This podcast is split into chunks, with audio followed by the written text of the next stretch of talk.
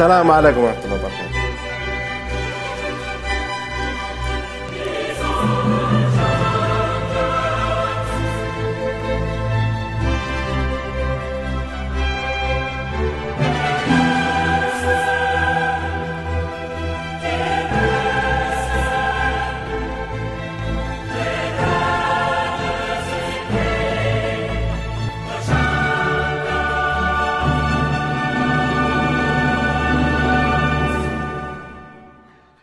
السلام عليكم ورحمة الله وبركاته. حلقة جديدة من جو لايف وذ أبو فجر. حلقة اليوم عن المدربين. وبصراحة اللي الآن على الإنستغرام يشوف مباشر شيل ده وراح على الراديو. على الرابط اللي كان موجود أحلى بكثير من الإنستغرام. لكن قلنا نخلي فيديو الانستغرام راح نتكلم عن المدربين.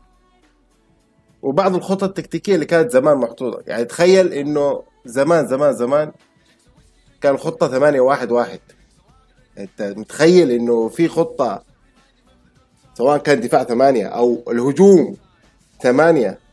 حاجة غريبة جدا. الخطة دي كانت زمان مستخدمة وبعدها تغير كل الموضوع وجاء الإسكتلنديين وغيروا حاجة اسمها 6 2 2 بغض النظر عن 6 2 2 أو 8 1 1 كان ده زمان وانتهى الموضوع كليا عن عن التكتيك الحالي في كرة القدم. فالمدربين الآن تغيروا. في مدرب أخذ نفسه وراح على طول دايركت على البرازيل. المدرب ده كمان اسكتلندي. وهو اللي علم البرازيليين علم هذول ال1 2 ال1 2 اللي إحنا كنا أو ما زلنا نستمتع فيها لما تلعب باص تك تك تك تك وتدخل على المرمى. شيء من العجب. فأرجع أكرر.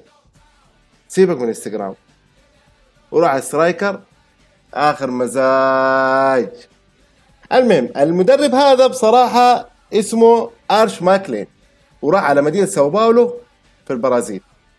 ومن هناك علمهم الوان تو والبرازيل الآن كم خمس كاس عالم. يا ربا فبداية حنتكلم عن الخطط التكتيكية. قلنا بداية كان 6 2 2 الاسكتلنديين غيروه على 6 2 2 ومن بعدها تطور الموضوع. جت مع البرازيل حاجة يسمونها الجوهرة. الجوهرة هذه اللي هي أربعة أربعة اثنين. أو بمعنى أصح أربعة خط دفاع محور واحد عندك اثنين موجودين. وواحد قدامهم اللي هو دائما كان يبدع فيها ريكاردو كاكا مع ميلان وأمام اثنين مهاجمين. ولو يتذكر كل زمان عن 98 أو قبل 98 كان عندنا روماريو والظاهر رونالدو أو روماريو وبيبيتو في 94 لا لا لا. أحلى خطة هي صراحة مع البرازيليين كانت مع روماريو وبيبيتو ومن قبلهم أساطير زيكو سقراط صراحة شيء من العجب البرازيليين. لكن الفكرة اللي لازم تاخذها أو معلومة كذا بسيطة دخلها إنه أحلى وأقوى وأفضل جيل برازيلي ما أخذ كأس عالم. تخيل. فنكمل الموضوع. وبعدها انتقلت وتحررت كرة القدم بكثير أشياء. بكثير بكثير. يعني أول ما جت أول ما جاء التسلل أو بمعنى صح مصيدة التسلل إيش اللي صار؟ اللي صار إنه غيروا الناس تكتيكهم إلى ثلاثة أو أربعة اثنين اثنين اثنين ثلاثة. شيء شيء من ال من ال من العجب يعني في كرة القدم. فإنك تلاحظ إنه في تغييرات كثير في كرة القدم يعني تغيرت أشياء كثير جدا. بعدها جت خطة الهرم. خطة الهرم دي إلى الآن يعني تستخدم وبالذات بالذات يعني مش تستخدم بشكل كبير لكن نقول إنه يوفنتوس يوفنتوس آه آه يقدر يستخدم الموضوع ده في 3 5 2 لكن الهرم كانت إيش؟ اثنين قلبي دفاع ثلاثة وسط وخمسة مهاجمين. فالخطة هذه ما نجحت. طبعا بعد ما جاء التسلل وتغيرت الموضوع إلى 3 2 2 3 وثلاثة أربعة ثلاثة اللي يستخدمون الهولنديين مع اياكس في الثمانينات والتسعينات. ف تغيرت كرة القدم بشكل كبير وواضح عن عن الماضي. نترك الماضي وتعال. أقوى خطط تكتيكية استمرت وإلى اليوم هي خطة 3 4 3 هولندية مع الكرة الشاملة اللي ما زال برشلونة يطبقها لكن يعني مع تيكي تاكا بسيطة. نقول عليها تيكي تاكا بسيطة. لكن الكرة الشاملة كان إنه كل واحد لا يتقيد بمركز. وطبعا هولندا مع التيكي تاكا أو مع الكرة الشاملة حققت الأمم الأوروبية لكن خسرت نهائي كأس عالم. وطبعا كان عندهم مثلث برمودا ريكارد خوليت وفان باستن. نروح على خطة تكتيكية جديدة. وكان اسمها الكاتيناتشو وما زال الإيطاليين ينفذون الكاتيناتشو إلى اليوم. ومن حيث قراءة الموضوع اكتشفت إنه في أشياء كثير ما زالت تطبق. يعني الكاتيناتشو أليكس فيرجسون طبقها. مثلا اللي يشوف أليكس فيرجسون المدرب المدرب التاريخي السير أليكس فيرجسون تحس إنه ما كان طبق كاتيناتشو. لكن يتبادر إلى الذهن أحيانا إنه مباراة مانشستر يونايتد وأرسنال كان في الدوري يومها وفيرجسون كان مضطر إنه يلعب بمدافعين ما كان عنده كان عنده إصابات كثير. فتخيل الوضع إنه فيرجسون طبق كاتيناتشو وفي مباراة مهمة كانت. المباراة اللي كانت واضح جدا إنه حيستخدم فيها كاتيناتشو كان مباراة نهائي برشلونة وبصراحة ما قدر على ليونيل ميسي نهائيا. وفاز فيها برشلونة يومها. ننتقل لخطة جديدة أو في معلومة بسيطة. في مدرب اسمه فيتوريو بوتسو. فيتوريو بوتسو ده يسمى أو مبتكر بداية التيكي تاكا لأنه اخترع أو دمج تشكيلتين أو خطتين اللي هي الثلاثة أربعة ثلاثة والاثنين ثلاثة خمسة. يعني تخيل لما يكون عندك اثنين مدافعين ثلاثة وسط وخمسة مهاجمين شيء غريب صراحة. ففيتوريو بوتسو ذا اللي دمج ثلاثة أربعة ثلاثة ودمج معاها اللي هي اثنين ثلاثة خمسة. وطبق أول خطة تقدر تقضي على مصيدة التسلل أول ما وضعوها يقدر يكسرها وفي نفس الوقت يقدر يحافظ على منطقة الدفاع وفي نفس الوقت يقدر يغطي. طب سؤال للمستمعين وسؤال للإنستغرام. تتوقعون من هو أول مدرب ابتكر أو اخترع أو فكر في موضوع الضغط العالي على المهاجم أو على اللاعب. تتوقعون مين؟ من المدرب اللي المدرب من هو المدرب الذي ابتكر طريقة الضغط على اللاعب؟ سؤال يعني كذا صعب. يعني إحنا نحب الكورة ونمشي في الكورة وعاشقين للكورة وكل شيء ما قلنا شيء. لكن معلومات بصراحة أنا من ناحية الكلام ومن ناحية القراءة والمعلومات اللي جمعتها شيء شيء من العجب. المدرب هذا كان مدرب روسي اسمه شوف اسمه طويل حتى. اسمه فيكتور ماسلوف. ماسلوف فيكتور ماسلوف. الجوهر. فيكتور ماسلوف كان هو أول مدرب أول مدرب يعني ابتكر الضغط العالي على اللاعب كان هو فيكتور ماسلوف الروسي. طبعا شغل كان كبير معاه. في مدرب ثاني. كسر إنجلترا على ارضها 6 3 وكان من المدربين المجر. تخيل يعني المجر والأسطورة المجرية. ف جوستاف سيبيس المدرب المجري هو ابتكر أول خطة بإنه المهاجم لازم يكون طويل وهو اللي يستلم الكورة ويوزعها على الأطراف اللي جاية. على الأطراف اللي جاية كان فيكتور سيبيس أو آه جوستاف سيبيس آسف ذاك هذاك فيكتور آه ماسلوف. جوستاف سيبيس المدرب المجري بهذه الطريقة اللي هي إنه تحط مهاجم طويل بنية جسدية عالية ضغط أول بأول على على الخصم هجوم أول بأول على الخصم. تمام؟ كان هو أول من ابتكر الموضوع هذا وفي نفس الوقت سحق إنجلترا على الأرض 6 3 تمام؟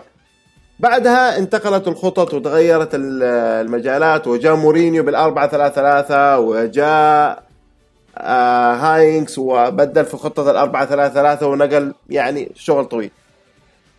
نغير الموضوع ده كله ونروح على بعض المعلومات المهمة. داخلين؟ يلا. أكثر مدرب تحقيقا للبطولات. ما أعتقد إنه في أحد ما يعرفه. أكثر مدرب تحقيقا للبطولات هو السير أليكس فيرجسون مع مانشستر يونايتد. تخيل بكم. كم. كم. تتوقعون كم لقب حقق أليكس فيرجسون؟ 49 لقب. اوه أكثر من بعض الأندية. أكثر من بعض الأندية. 49 لقب حققه أليكس فيرجسون طوال مسيرته. طيب. الآن ندخل على أكثر المدربين اللي حققوا البطولات الأوروبية. أكثر المدربين اللي حققوا البطولات الأوروبية. هم طبعا مرشحين أو مصنفين في البطولة الأوروبية بثلاثة. هم ثلاثة محققين نفس العدد من البطولات. فهم من تتوقعون إنه يعني محققين هالبطولات أو المدربين اللي محققين هالبطولة؟ هم ثلاثة طبعا. واحد عندنا كارلو أنشيلوتي في المركز الأول. الإيطالي كارلو أنشيلوتي في المركز الأول بسبع بطولات. طبعا أنا جايك في أطول فترة ممكنة. أنا جايك في الطريق. أصبر أصبر أصبر. أنا جايك معلومات غريبة. كارلو أنشيلوتي في المركز الأول الإيطالي كارلو أنشيلوتي بسبع بطولات أوروبية. أخذ منها ثلاثة دوري أبطال أوروبا. وعندك تقريبا يعني متنوعة ما بين الانتركونتيننتال وال والسوبر الأوروبي وكأس العالم للأندية يعني موضوع طويل. في المركز الثاني السير أليكس فيرجسون الإسكتلندي حقق أيضا سبع بطولات أوروبية. لكن حقق اثنين دوري أبطال أوروبا. في المركز الثالث هو الإيطالي جوفاني تراباتوني حقق سبع بطولات أوروبية وحقق دوري أبطال أوروبا واحد. لكن يصنف جيوفاني تراباتوني بأنه أفضل مدرب على تاريخ القارة الأوروبية إلى الآن. لأنه الوحيد اللي حقق خمس بطولات أوروبية. خمس بطولات لم يحققها أي مدرب. حقق دوري أبطال أوروبا الاتحاد الأوروبي أو كأس الاتحاد الأوروبي أو الدوري الأوروبي. تمام؟ وحقق كأس الكؤوس الأوروبية وحقق بطولة السوبر الأوروبي أو الانتر كونتيننتال مع مع دوري أبطال مع أمريكا الجنوبية وحقق كأس العالم للأندية. فهو الوحيد اللي حقق خمس بطولات أوروبية أو كل البطولات الأوروبية بمعنى أصح هو حقق سبع بطولات لكن حقق الخمس بطولات كاملة. عكس أليكس فيرجسون وعكس كارلو أنشيلوتي. معلومة بسيطة المدربين الإيطاليين هم أكثر المدربين تحقيقا للبطولات الأوروبية إلى الآن. إلى الآن. ما زال المدربين الإيطاليين هم الأفضل والأكثر. طبعا. ندخل على موضوع آخر هو من أو أطول مدربين عمرا. يعني مدربين قعدوا كذا مع مع في فترة تدريب طويلة جدا. خش معايا في التفاصيل معايا واحد. مصيبة. طيب. في المركز الخامس. السير أليكس فيرجسون واستمر إلى عمر 72 سنة.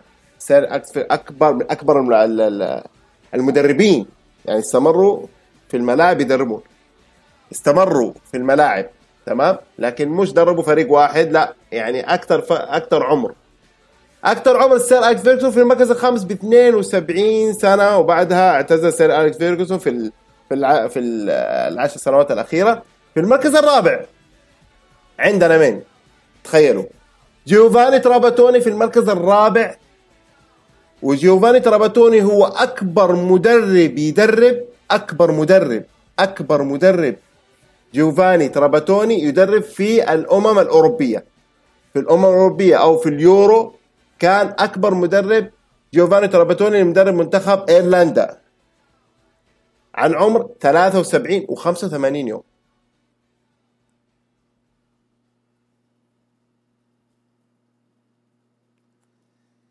في المركز الثالث عندنا نيلس ليدهولم السويدي ونيلس ليدهولم السويدي طبعا آخر مسيرة له مدرب لنادي روما ومدرب لنادي آه إي سي ميلان. لكن آه يأتي في المركز الثالث كأطول مدرب طبعا اعتزل في عام تقريبا 95 أو 97 وآخر نادي كان نادي اي سي روما طبعا. ونيلس ليدهولم ليدهولم اعتزل وعمره 75 سنة 75 سنة اعتزل التدريب في المركز الثاني في المركز الثاني أو في الاطول عندنا ميروسلاف بلازيفيتش الكرواتي.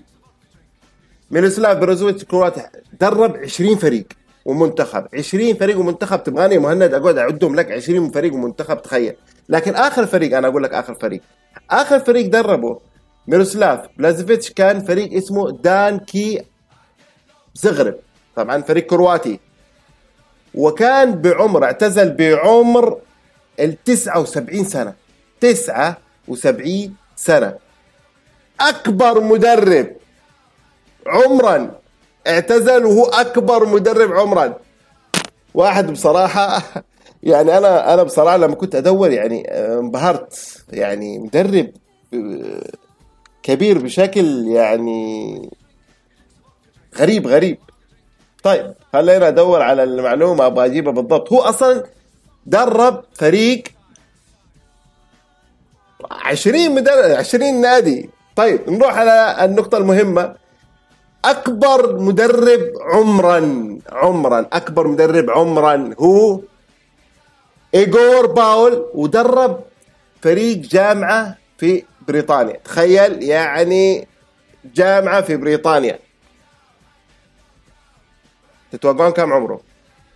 أكبر مدرب. يعني آه، قبله كان ميروسلاف بلازيفيتش 79 وليدهولم 75 ايفور باول اعتزل تدريب وعمره 93 سنة. 93 سنة. ايجور باول اعتزل التدريب. طيب نروح على نقطة مهمة أخرى واللي هي أسرع أسرع إقالة في التاريخ. أسرع إقالة لمدرب في التاريخ. أسرع إقالة مدرب في التاريخ. أنا يعني الموضوع كان مرة مضحك يعني بشكل بشكل رهيب. المدرب كان موقع عقد مع فريق اسمه آه، توركاي يونايتد توركاي يونايتد إنجليزي. المهم هو وقع عقد من هنا. يعني حضر المؤتمر الصحفي وقع العقد. وفي نفس الوقت لسه حيقول المؤتمر الصحفي يعني لسه حيتكلم يعني هو وقع سلم. لسه حيتكلم في المؤتمر الصحفي. جاء واحد جنبه قال له تمت اقالتك عشر دقائق. وقع على فريق عشر دقائق وتمت اقالته والسبب إنه رئيس النادي في نفس الوقت اللي وقعوا معاه كان هو يبيع النادي لشخص آخر وأخذ أسهم أكثر ومن بعدها ومن بعدها اكتشف إنه رئيس النادي الجديد أصلا جاي بمدير فني جديد وطاقم كامل. فتخيل يعني أنت لسه موقع 10 دقائق يجي واحد يقول لك ترى أنت bye bye bye برا. هذه كانت أسرع إقالة في التاريخ. أسرع إقالة في التاريخ. طيب أطول مدرب بقى في تدريب فريق واحد. أطول مدرب بقى في تدريب فريق واحد. هو فريق فرنسي وطبعا عام 1900 أنا يعني أقول المعلومة بالضبط. طيب أطول مدرب كان المدرب جيرو جي رو مش جيرو اللي هو لاعب تشيلسي لا جي رو جيرو واستمر في تدريب الفريق 44 سنة ويعني من عام 1961 إلى عام 2005 1961 إلى عام 2005 لكن هو أصلا كان في النادي لاعب يعني كان لاعب خلص إنه يكون لاعب صار مدرب 44 سنة. وهو من قبلها من عام 1952 يعني من 52 ل 61 تقريبا تسع سنوات. تسع سنوات تقريبا يعني تسع سنوات و44 هو في النادي جالس. فهذا هو أطول مدرب طبعا مدرب فرنسي اسمه جي رو وهو من فريق آه، درب فريق اسمه أوزير. مسعود أوزير. تمام؟ كل ذا كان يعني كلام طويل عريض ومعلومات. تعال نخش في التفاصيل. تعال يا ابني نخش في المعلومات اللي أنا جايك أتكلم عليها. دهاء المدربين. خش معايا. تعال. خذ لك موية. اشرب. ارتاح. تعال نتكلم في تاريخ كرة القدم. أثناء مسيرتنا وإحنا قاعد نتفرج لكرة القدم وبعض الذكريات اللي كانت تيجي يعني أو ابتكارات المدرب أثناء المباراة يعني اختراع المدرب سواء كان ينزل لاعب أو سواء كان آه يغير تغيير بسيط في المباراة أو يحرك لاعب من مكان لمكان. أو مثلا نقدر نقول إنه آه مثلا غيرت خطة الفريق فجأة. خش معايا في تفاصيل مورينيو في مباراة إنتر ميلان في الدوري الإيطالي. ومتعادل ومطرود منه لاعب. فقام في آخر الدقائق راح للدكة قال لي ماتراتزي تعال اللي ما يعرف ماتراتزي مدافع إيطالي طويل طويل طويل طويل طويل. ونزل ماتراتزي في الهجوم. أنت كمدرب فريق خصم تشوف إنه ماتراتزي أصلا نازل وأطول لاعب في, المب... في الفريقين في المباراة يمكن في الملعب. ونازل هجوم. تتوقع إيش؟ يعني ما الخطة اللي حينزل فيها مورينيو. ما عنده غير هذا الأسلوب إنه والله حيلعب كور طويلة لماتيراتزي عشان يسجلها. يعني هذه الخطة البديهية. يعني أنا من ضمن الناس اللي كنت جالس وأتكلم وأقول إنه يعني الف... أكيد مليون في المية إنه ماتيراتزي نازل عشان يدق كورة بالرأس.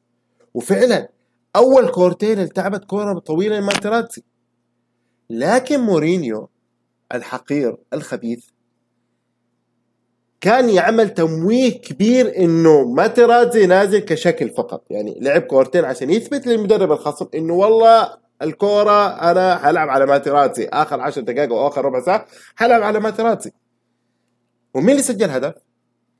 ميليتو المهاجم. يعني عمل كل ده خدعة للخصم على أساس إنه والله كل المدافعين يركزون على ماتيراتزي لما تيجي كورة عالية ويتركون ميليتو اللي كان عليه ضغط وكان مع طرد الإنتر حيكون الضغط زيادة عليهم فكان فكرة ممتازة من مورينيو وأخذ نتيجه المباراة ثلاث point على طول.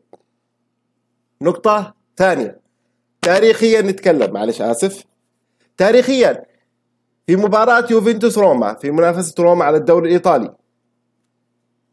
فجأة يوفنتوس سجل هدف. الشوط الثاني. يطلب كابيلو تغيير في روما. فرانشيسكو توتي out ناكاتا in الكل في الملعب وحتى كارلو زامبا المعلق الروماوي أو بعض المعلقين الروماويين أو المحللين كان يقول لك إنه فعلا فرانشيسكو توتي ما كان سيء في المباراة. يعني توتي ما كان سيء في المباراة عشان يستاهل يستحق الخروج. لكن كابيلو كان شايف إنه توتي كان عليه ضغط كبير فنزل نكاتا. وفعلا نكاتا هو اللي صلح الهدف الأول أو سدد كوره على بوفون وارتدت من بوفون وتابعها مونتيلا. والهدف الثاني سجله نكاتا وكانت مباراة قوية جدا ما بين نكاتا وما بين زين الدين زيدان.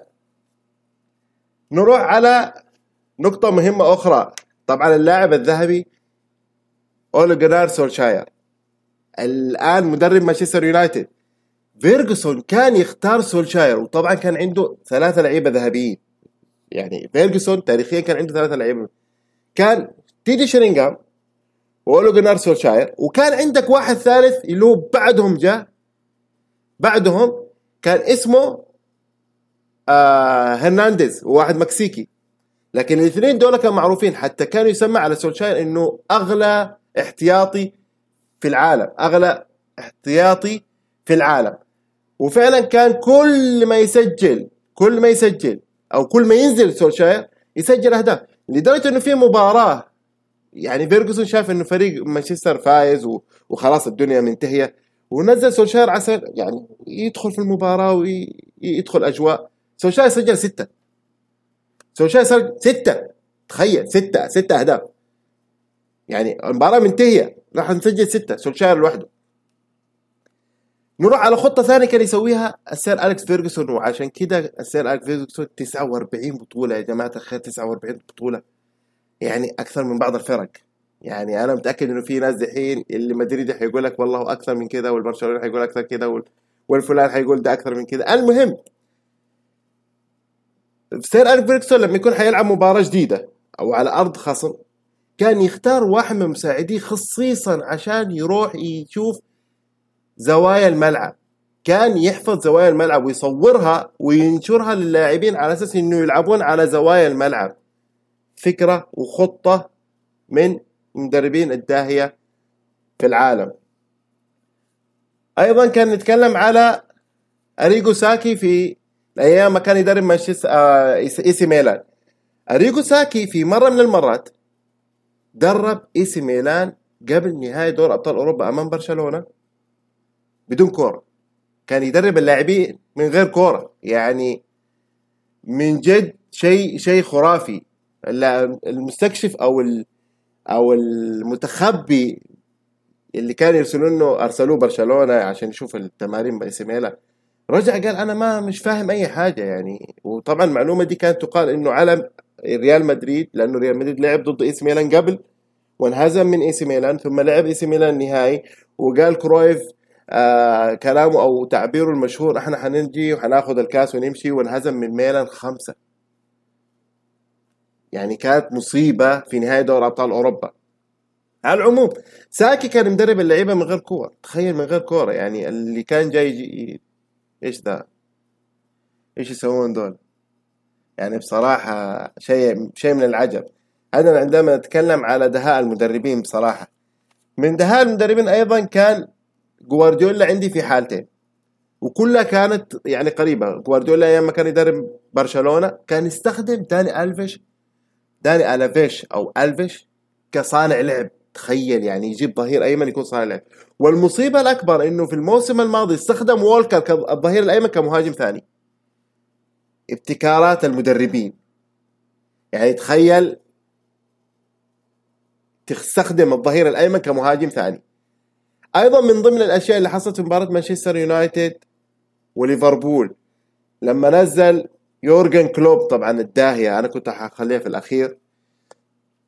لكن نتكلم عنه الآن. يورجن كلوب يعني استخدم محمد صلاح في إنه يوقف خا يعني قبل خط النص وينتظر أي كورة عالية من إليسون. وفعلا نجحت نجحت الخطة وسجل محمد صلاح في الدقيقه 92 الهدف الثاني ليفربول واخذه طبعا ثلاث نقاط كاملة. أيضا من ضمن المدربين اللي كان يعني نعتبر إنه يعني عمل يعني دهاء أو ابتكارات. كان مورينيو كان يتكلم على مع جون تيري في إحدى الحصص التدريبية. كان يقول لجون تيري إنه أنت لازم في المباراة إن توقف في المكان المحدد وحدد له مكان أثناء الضربات الركنية. فكان جون تيري يستغرب إنه ليش أنا أوقف هنا؟ المفروض إنه كمدافع.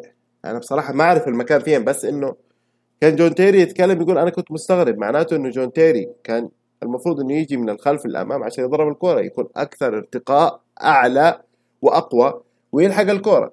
لكن اللي استغربته إنه جون تيري كان يقول أنا مش فاهم ليش مورينيو قال لي توقف في المكان ده. وفعلا وقف في المكان ده وفعلا جون تيري في المباراة اللي بعدها سجل هدف. يعني انظر للمدرب اللي يرى زوايا وخبايا الفريق الآخر. في مباراة عام 2005 معلومة جديدة. في مباراة عام 2005 هي مش جديدة. الناس كلهم شافوها وأنا وشباب شفناها. كان مباراة نهائي دور أبطال أوروبا ما بين إيسي ميلان وليفربول. وإيسي ميلان سجل ثلاثة أهداف في الشوط الأول. والكل قال إنه المباراة انتهت. والآن في ناس حيتضايقون يعني لو كان شجع إيسي ميلان حيتضايق من الموضوع ده. لكن الكل كان يقول إنه انتهت المباراة. واكتشفنا إنه بينيتز نزل بعد ما سجل ليفربول تعادل. طبعا قبل ما يسجل ليفربول تعادل أنزل هامان اللاعب الألماني كمحور وأوقف بالفعل هامان. كل انطلاقات ريكاردو كاكا اللي كانت مسوية الشغل الشغل الكبير لريكاردو كاكا في المباراة. وفعلا أوقف ريكاردو كاكا نهائيا. وتعادل ليفربول ولعب ضربات جزاء وفاز ليفربول بالبطولة. طبعا أرسن فينجر المدرب القدير أو المدرب الجميل أو الرائع الأرسنال يعني يحبوه يكرهوه لأنه هو المدرب الوحيد اللي حقق دوري أبطال أو الدوري الإنجليزي آسف من غير أي هزيمة هو فينجر. فينجر عمل أسلوب في في في الفترة اللي حقق فيها البطولة واللي هي إنه يعني استخدم روبير بيريز للقادمون من الخلف. كانوا يسمونه القادمون من الخلف روبير بيريز اللاعب الفرنسي اللي حقق مع فرنسا كأس العالم 98 طبعا كان احتياطي لكن يعتبر حقق. وحقق أمم أوروبا اللي بعدها عام 2000 على حساب إيطاليا. فاللاعب ده كان دائما أي كورة مرتدة من من الحارس أو مرتدة من الدفاع كان على طول تلاقي روبير بيريز هو اللي مستخدمها وعلى طول على المرمى. فكثير من من اللقطات الرهيبة والجميلة اللي كانت في كرة القدم. نروح على أهم حاجة حصلت في الفترة الماضية. السوبر الإسباني اللي كانت في جدة. سيميوني أنزل لاعبين قلب النتيجة على برشلونة. عندما شاف إنه في فراغ كبير في وسط الدفاع لبرشلونة أنزل لاعبين أنهوا آمال برشلونة وتأهل أتلتيكو مدريد للمباراة النهائية أمام ريال مدريد وانهزم ريال مدريد بضربات الجزاء الترجيحيه طيب دي فرانشيسكو. دي فرانشيسكو مدرب روما اللي كان يلعب بطريقة 4 3 3 كل طول الموسم أو 4 2 3 1 طول الموسم. في مباراة برشلونة اللي كان مهزوم فيها في الذهاب 4-1 الإياب لعب بطريقة 3 5 2 واللي عطلت برشلونة كليا واستطاع روما أن يفوز ب 3-0 ويتأهل لمواجهة ليفربول. هنا نتكلم على نظرة المدرب للملعب نظرة المدرب للفريق الخصم. تخيل إنه برشلونة ما قدر يسوي أي شيء المباراة كاملة المباراة كاملة ما قدر يسوي أي شيء. فهنا تحسب لدي فرانشيسكو. آخر مدرب وأهم نقطة اللي كنا نتكلم عليها مباراة ولفرهامبتون ليفربول الماضية. بصراحة يا جماعة الخير مباراة كانت قمة في الروعة. الشوط الأول ليفربول قدم أداء رائع. صح إنه ما ارتقى لليفربول اللي إحنا نعرفه ولكن نقول إنه والله قدم أداء رائع. يعني ما ننكر ليفربول في الفترة الحالية يعني محقق أعلى نقاط تاريخيا إلى الآن. فنتكلم على مدرب ولفرهامبتون اللي هو نونو إسبريتو. نونو إسبريتو سانتو يعني عمل لقطة كده في المباراة أنا أشوفها إنه بصراحة يشكر عليها هذا المدرب. مدرب رائع جدا. فريقه أدى أداء رائع أمام ليفربول. وكان ممكن يخطف نقاط المباراة وكان ممكن يعطل ليفربول ويعني يعطي ليفربول أول هزيمة تاريخية أو أول هزيمة في الدوري أنا آسف. مدرب آه، ولفرهامبتون نونو سبريتو اللي عمله إنه أخذ ادامه تراوري صاحب البنية الجسدية. وبصراحة صاحب السرعة العالية اللي أنا أنا انبهرت بصراحة يعني في المباراة أنا والشباب. شفنا شيء شيء خيالي. يعني أنا بصراحة انبهرت من باللي حصل في المباراة. أخذ ادامه تراوري وكمهاجم ثاني ووضعه خلف روبنسون على الطرف اليمين. وفعلا الخطة هذه جابت نتيجتها. روبنسون كان يتردد في الهجوم. لما كان يطلع روبنسون كان يواجه مشاكل ليفربول في الخلف. لا فان فان قادر يلحق ادامه تراوري وفعلا ما قدر يلحقه في الكورة اللي جاء منها الهدف. ولا روبنسون كان يقدر يلحقه ولا هم قادرين يعني يحتكوا فيه جسديا. فكانت خطة رائعة من مدرب ولفرهامبتون وكانت هذه حلقتنا اليوم أتكلم على المدربين. نبقى نتكلم على كلوب تعال لي هنا على اخر نقطة وأنا آسف على الإطالة بصراحة يعني نص ساعة كثير كثير كثير وعارف إنه في مباريات فأنا آسف جدا جدا جدا. لكن المحور الحديث يعني شغلنا. أو أخذني. يورجن كلوب أنا أشوف إنه هو أفضل مدرب الآن في في الوقت الحالي. مدرب رائع يعرف يستخدم لاعبيه يعرف آه كيف نقولها؟ يعرف كيف يحمس لاعبيه يعرف كيف يخلي لعيبته يبقون برتم عالي طول المباراة. يعرف كيف يخليهم محافظين على نفسهم يعرف كيف يخلي لعيبته يصمدون أمام الضغوطات أو أمام الإرهاق أو أمام الانخفاض اللياقي. غير كذا المدرب رائع في إنه يستطيع أخذ اللاعبين يعني يعرف كيف هو يعني يعرف اللاعب اللي يحتاجه لخطته. بصراحة يعني أخذ من ميناميتو من مينامينو من من سالزبورغ. صح إنه يعني لسه اللاعب إحنا شفنا أول مباراة ما ما أدى الأداء اللي إحنا متخيلينه. لكن أنا متأكد إنه حيدخل في في المجال حيدخل في في المباراة حيدخل في تشكيلة حيدخل في التكتيك حيدخل في كل الموضوع ده. فأنا أشوف إنه يورجن كلوب هو أفضل مدرب حاليا ولو تدرون في قائمة عشر المدربين يورجن كلوب هو رقم عشرة في استلام الراتب لأنه لسه ما وقع العقد الجديد ويقولوا إنه وقع العقد الجديد وحيكون راتب الأعلى. أعلى راتب تتوقعون من ثلاثة الأوائل. شفناها من عمرو نصوحي. في المركز الثالث جوزيه مورينيو. في المركز الثاني جوارديولا. في المركز الأول مين في المركز الأول؟ تتوقعون مين في المركز الأول؟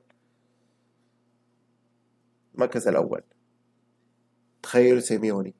سيميوني مدرب أتلتيكو مدريد هو أغنى مدرب إلى الآن براتب تقريبا سبعة وعشرين أو تقريبا سبعة وعشرين. سبعة وعشرين مليون. سبعة وعشرين مليون هو أغلى مدرب تاريخيا. أو تاريخيا يعني تعتبر تاريخيا يعني. بس هذا الموسم يعني. شكرا لكم. كان معاكم محمد زين أبو فجر و يعني آسف على إطالة الحلقة. وأي أسئلة تطرحونها طبعا أنا راح أجاوب عليها.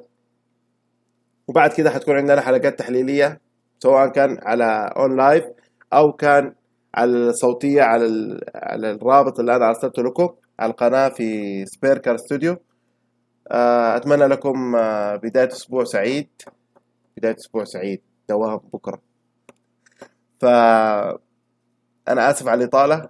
وأتمنى أن المعلومات فعلا يعني كانت جميلة وأنا عارف إنها طويلة. ف السلام عليكم ورحمة الله وبركاته. وتصبحون على ألف خير. سلام.